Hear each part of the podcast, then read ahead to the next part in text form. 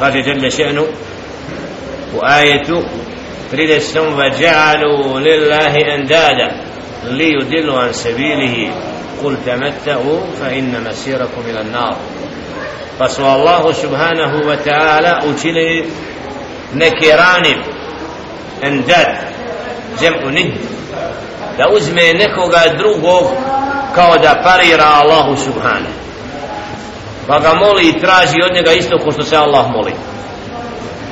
A vi kako kaže osoba ispred kipa da preko ante mi dolazimo do Boga odebe kako kaže.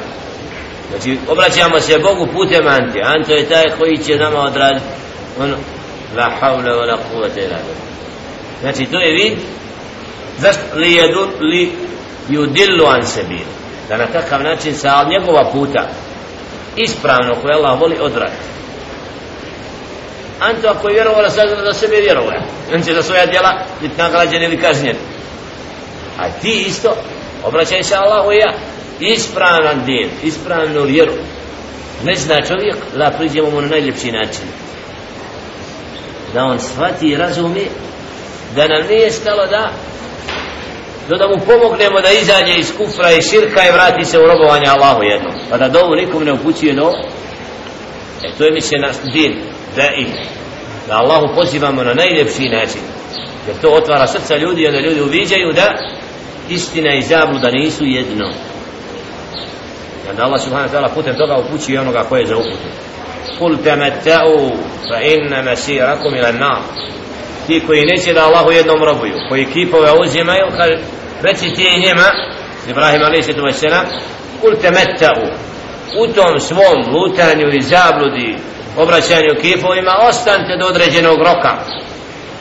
Mislite da je to užitak da je to ajde provedite se s tim. Dokad? Fa inna mesirakum konačni boravak vam je vatra. No samo sačuva vatre. Znači plod širka je šta? Džehennem veli arbe ako čovjek nije Allahu čist u ibadetu pa moli nekoga drugo Allah neće biti zadovoljan s tim robom. Allah nije zadovoljan od svojih robova da mu čine širk. To najviše prezire i mrzi. Jer na takav način odlaze od cilja.